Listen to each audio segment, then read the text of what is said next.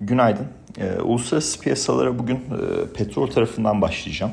E, şimdi dün e, petrol stokları ABD'de ham petrol tarafında yaklaşık 7 milyon varil, e, benzin e, tarafında yaklaşık 4.6 milyon varil azalış gösterdi. Şimdi tabii bu veriler e, ABD'nin stratejik rezervleri kullanmasından ötürü e, biraz böyle e, yanıltıcı tarzda açıklanabiliyor. Çünkü farklı stoklar tarafında çok fazla e, bir e, değişim durumu söz konusu bu stratejik rezervleri de e, kullandığından ötürü. Ama günün sonunda veri genel olarak yani baktığımızda işte manşette ham petrolde 7 milyon varil azalış, benzinde 4.6 milyon varil azalış petrol fiyatları açısından pozitif bir düşüncede e, olunduğu söylenebilir. En azından e, günlük bazda. Keza zaten veri açıklandıktan sonra Brent petrolde böyle 94,5 seviyesine kadar falan bir yükseliş yaşandı 93'lerden. Ama ondan sonra birdenbire sert bir satış geldi. E, ve 91,5'a kadar geriledi.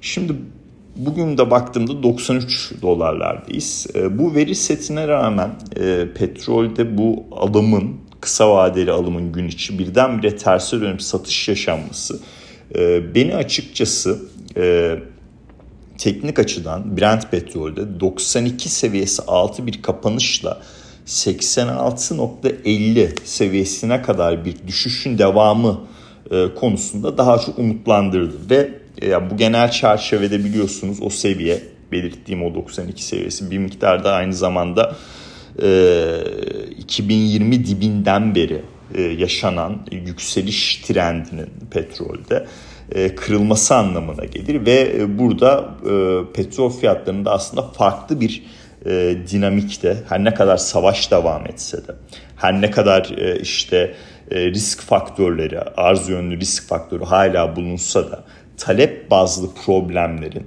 e, önümüzdeki dönemde arz yönlü risklere göre çok daha fazla öne çıkacağı düşüncesi altında e, petrol fiyatlarında 2022 senesinde gördüğümüz o her düşüşü al e, trendi yani dipleri topla trendi e, yükselişleri sat e, ve e, yükseliş trendi 2020'den beri devam kırıldıktan sonra e, daha sert bir noktada e, bu yükselişleri sat e, temasının e, gündeme gelebileceği söz konusu olabilir. Olabilir diyorum. Kesinlikle olacaktır demiyorum.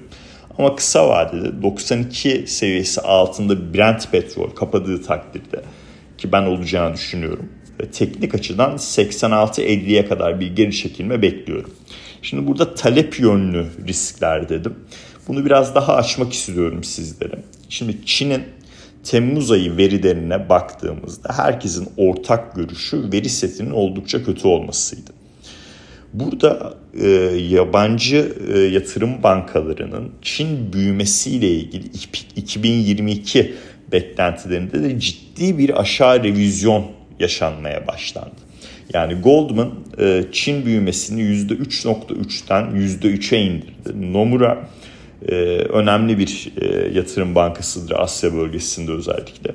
Avrupa'da da operasyonları kuvvetlidir. 100 nokta, e, şey 100 nokta diyorum ya özür dilerim.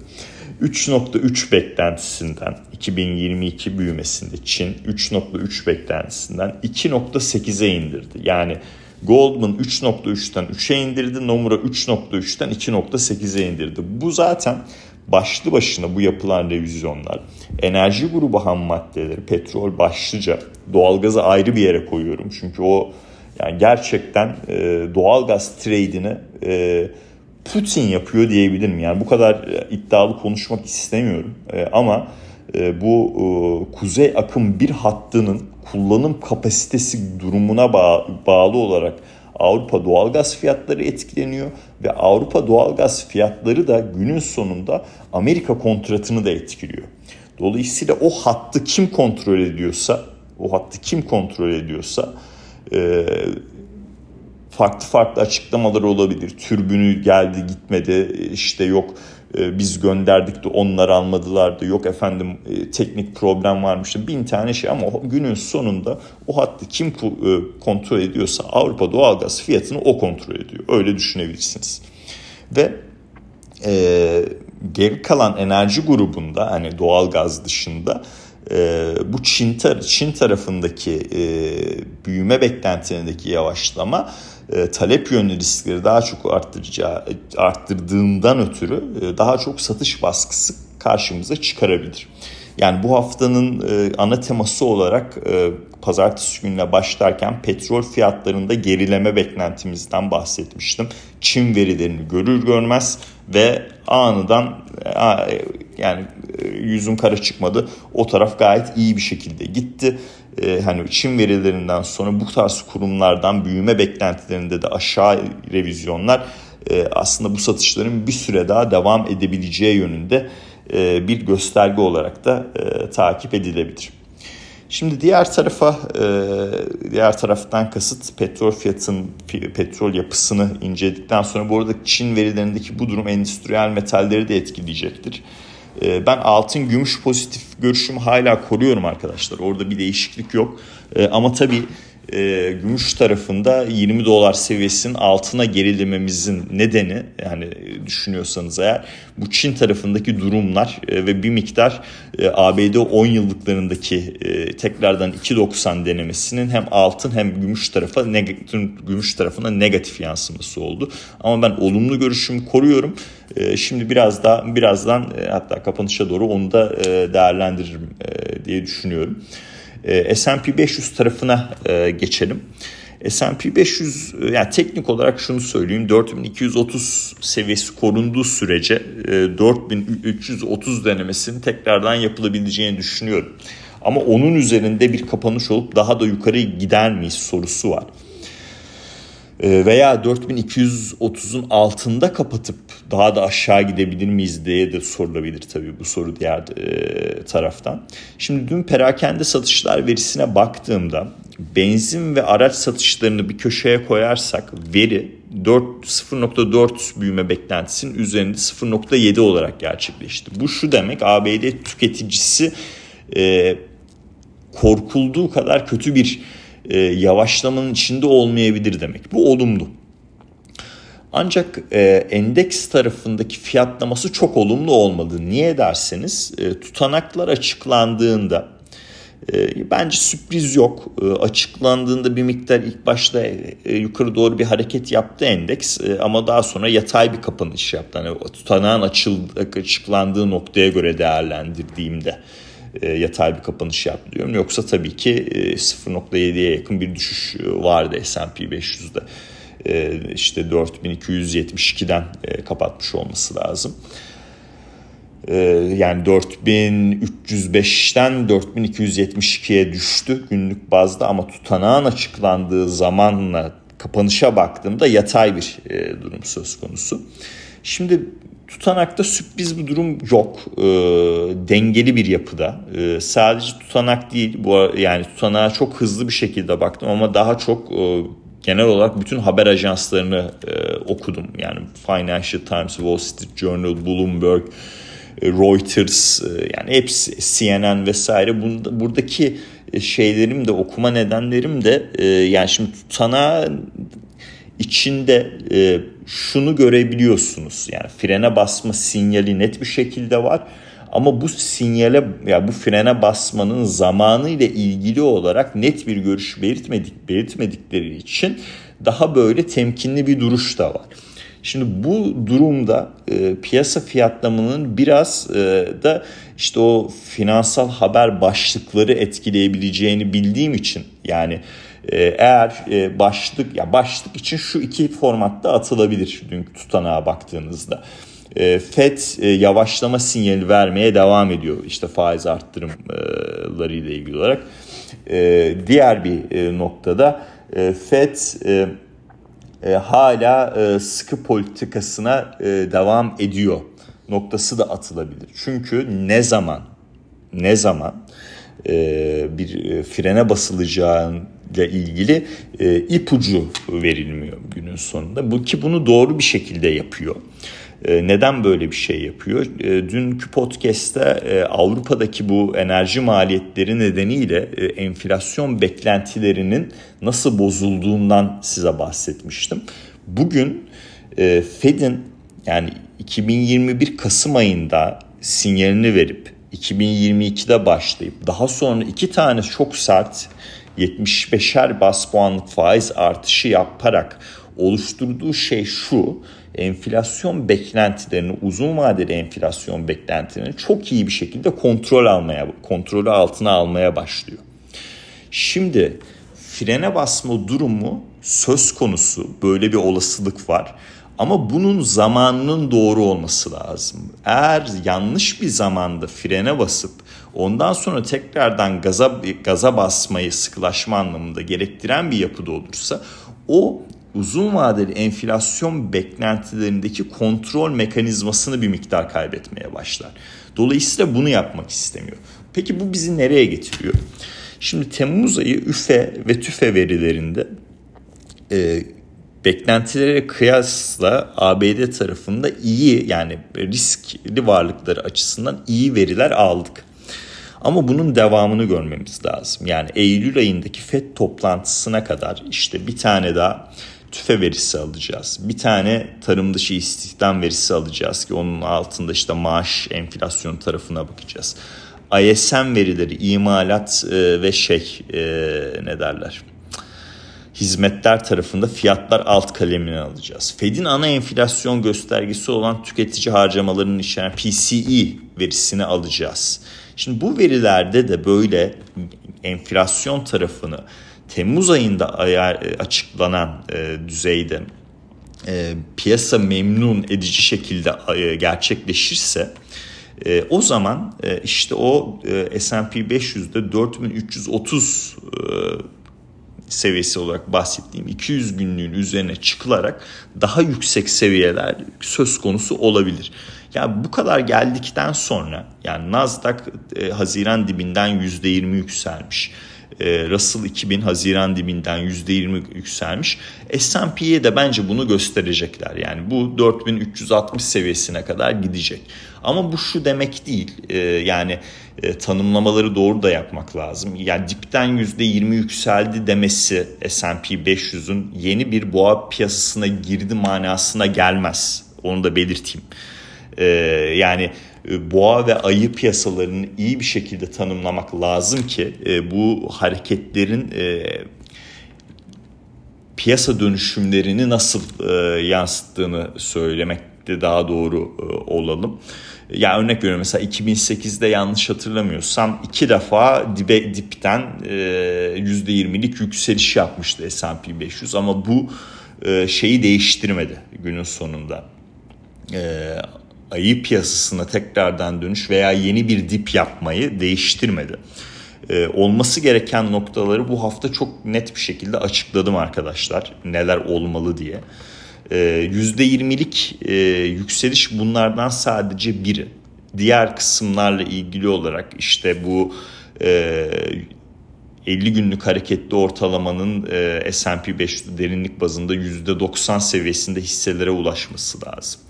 E, şirket e, karlılıkları ile ilgili olarak, e, kar beklentileriyle olarak iyi gidiyoruz ikinci çeyrekte ama önümüzdeki dönemde de çok ciddi aşağı revizyon olmaması lazım.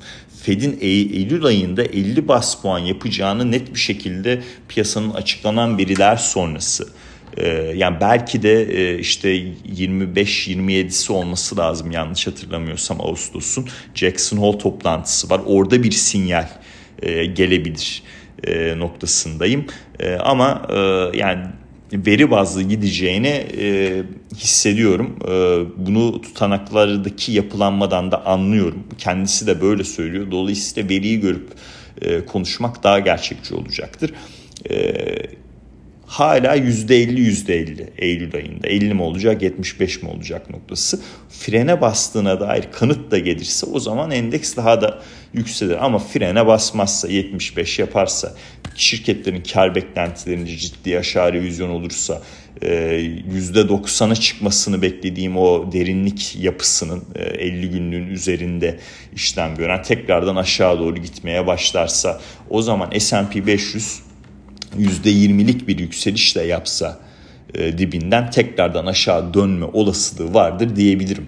Yani yaşanabilir bu daha önceden de de yaşandı çünkü. Hala kısa vadeli pozitif görüşümü koruyorum ama orta uzun vadeye dönüşmesi için e, takip ettiğim değişkenler var. E, altın gümüş dedim. E, yani orada işte gene e, Eylül ayındaki 50-75 olayına bağlı olarak değişim e, yaşanacak. E, ama ben e, yani ikisinde de ya gümüş tarafında zaten o yeşil enerji dönüşümü çok acayip bir paket. Yani onu piyasa bir gün geldiğinde daha iyi anlayacak ve gümüşe fiyatlamasını ona göre yapacak. Altın tarafındaysa da e, diyelim e, gerçek bir resesyona girdik altın yükselecek diyelim FED frene bastı altın yükselecek dolayısıyla aşağı tarafın sınırlı olduğunu düşünüyorum. E, yani e, Haziran diplerine göre onda da 100 dolarlık bir yükseliş hareketinin yaşanma sebebi buydu.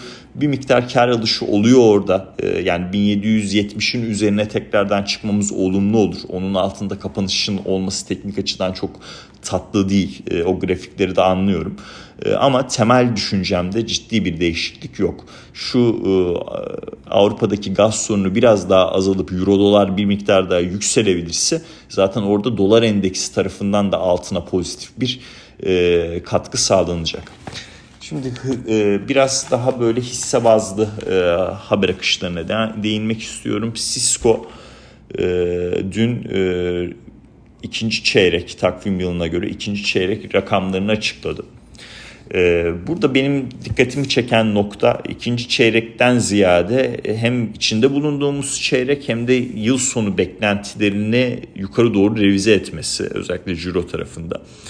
E, hisse seans sonrası %6 yükseliş yaşadı arkadaşlar. Kısa vadeli trade edeceksiniz. Burada e, 51.5'da 200 günlüğü var. Ee, yani bir 2-3 dolarlık e, marjda Cisco hissesi e, long tarafta fırsat verebilir. E, aklınız burada bulunsun ama dediğim gibi kısa vadeli trade iyi bir bilanço nedeniyle. Çünkü ABD 10 yıllıklarında maalesef 2.90 seviyelerindeyiz hala. Burada 2.70'lere doğru bir düşüş olması lazım ki bu endeksteki yükselişin devamı daha böyle çoklu varlık gruplarıyla desteklensin. Onu da belirtelim. Ee, Netflix reklam bazlı iş modeliyle ilgili olarak açıklamalarda bulunuyor. Yani ne dedi? Ee, işte reklam bazlı iş modeline ne geçenler yani ben aylık ödeme yapmayacağım reklam bazlı ödeyeceğim diyenler işte download indirme özelliğini kaldıracakmış. Şimdi bu reklam bazlı iş modelini önemsiyorum. Netflix tarafında çok önemsiyorum. Neden dersiniz? Şifresini başka kişilerle paylaşıp yani kendi şifresini başka kişilerle paylaşıp e, sisteme girenler var. Netflix bunu önlemeye çalışıyor ama zaman zaman da her ya her zaman da başaramıyor. E, özellikle Latin Amerika'da bu çok yapılıyor. E, şimdi burada e, ya bir pasta var yaklaşık 100 milyon kişi diye belirtiliyor ki kendi üye sayısı 200 küsürlerde. Yani öyle düşünürseniz 100 milyon bayağı e, kallavi bir sayı. E, eğer bu 100 milyon kişinin yani %25'ini bile bu şekilde sisteme dahil edebilirse reklam bazlı gelir modeliyle bence ciddi bir e, pozitif algı yaratır Netflix için. E, dolayısıyla bu modelin e, ne zaman hayata geçeceği ve geçtikten sonra o 100 milyonluk pastada ne kadar kişinin gerçekten e, başkasının şifresini değil de evet ya ben reklam bazlı için zaten artık para istemiyorlar deyip e, e, yeni bir üye olarak sisteme gireceği izlenecek, takip edilecek. Apple tarafı önemli. Şimdi Apple'da dün Credit Suisse hedef fiyatını 201 dolara çekti, yükseltti arkadaşlar iPhone 14 ile ilgili olarak e, satışların Eylül sonunda e, işte e, major marketlerde piyasalarda başlaması bekleniyor. E, tanıtımı da işte Eylül'ün ilk haftasında olacak diye düşünüyorum. Ya ben baştan belirttim ben TL fiyatına bakmayacağım. E, yani gerçekten bakmayacağım. Ee, bu iPhone 14 e, satışları ile ilgili olarak yani Eylül sonunda e, başlayacak olması hisseye bir miktar bir pozitif momentum katabilir. Ee, işte çünkü şeyi bilmiyorum e, dizaynı ile ilgili çok tabii farklı farklı şeyler de geliyor ama açıkçası yeni bir ürün her zaman yeni bir büyüme potansiyeli içerir düşüncesi altında olumlu bir hava katabileceğini düşünüyorum en azından. E, ve burada tedarik zincirlerinin giderek daha iyi yönetmeye başlayacağını da düşünüyorum. iPhone 14'ü e, muhtemelen e, Çin'deki o sıfır Covid politikası da düşünülerek e, bir e, tedarik zinciri e, oluşturulmuştur diye düşünüyorum. Ee, orada satışla ilgili ciddi büyük problemler yaşanacağını çok düşünmüyorum. Bu genel olarak piyasaya da pozitif yansıyabilir. Ee, yani bu taraf önemli olacaktır. Ee, ve biliyorsunuz e, Berkshire Hathaway, Warren Buffett'ın e, şirketi, e, yani yatırım portföyünün en yüksek hissesi Apple. Yani dünyanın en önde gelen değer bazlı yatırımcısı e, yatırım portföyünün %40'ından fazlasını Apple hissesinde tutuyor. Hisse sen, e, sene başından beri sadece %1,5 %2 gibi filan bir ekside. Eğer bu hisse sene başından beri eksiden artıya geçerse birincisi yeni bir zirve yapma olasılığı artmaya başlar. E, ikincisi endeksi lead eden, taşıyan hisselerden biri olduğu için endeks açısından da pozitif bir e, görünüm e, ortaya konulur. Şimdi bugün e, Avrupa'da tüfe verisi açıklanacak. E, revize veri, revize veride bile yükseliş bekliyorlar. Yani neyse hiç e, girmeyeceğim. Dün Avrupa'yı çok konuştuk. E, ABD tarafında konut sektörü e, verileri var. E, önemli. E, ama ben e, haftalık işsizlik başvuruları verisi var. Orada yükselişin devamı önemli arkadaşlar. İşsizlik verilerini kötü veri iyi fiyatlama olarak takip etmeye devam ediyorum. Yani bunu belirteyim size. E, zaten şu anda 75 bas puanlık olasılığın %50'de kalmasının sebebi tarım dışı istihdam verisinin e, işte Temmuz ayı için açıklanan tarım dışı istihdam verisinin e, manşette çok iyi açıklanmasıydı. Yani aslında detaylarda da iyi birçok nokta vardı. Bunu konuştuk zaten tekrardan söylemeyeceğim. Ama 50'yi e, de destekleyen noktalar var. Gene de 75 bas puanı öne çıkaran veri tarım dışı istihdam verisi oldu yani %50 %50 olasılığın şu anda fiyatlanmasının sebebi e, tarım dışı istihdam verisinin iyi gelmesi. Dün de tutanakların zamana dair frenine basmada zamana dair net bir şey bize sunmaması şeklinde. İki tane e, FED üyesi bugün konuşacak e, George'la Kaşgari. Kaşgari çok e, yani ciddi anlamda şahin bir FED üyesine dönüştü. Yıllar önce çok güvercindi yani oy hakkı elinden gittikten sonra yani elinden gittikten de şöyle açıklayayım ki almadılar elinden. E, rotasyon var FED'de. Rotasyon nedeniyle bölgesel FED başkanlarının bazıları bazı seneler oy kullanıyor. Bazıları bazı senelere oy kullanıyor. Bu sene Kaşgari oy kullanmıyor. Çok ciddi e, bir e, şahinliğe geçti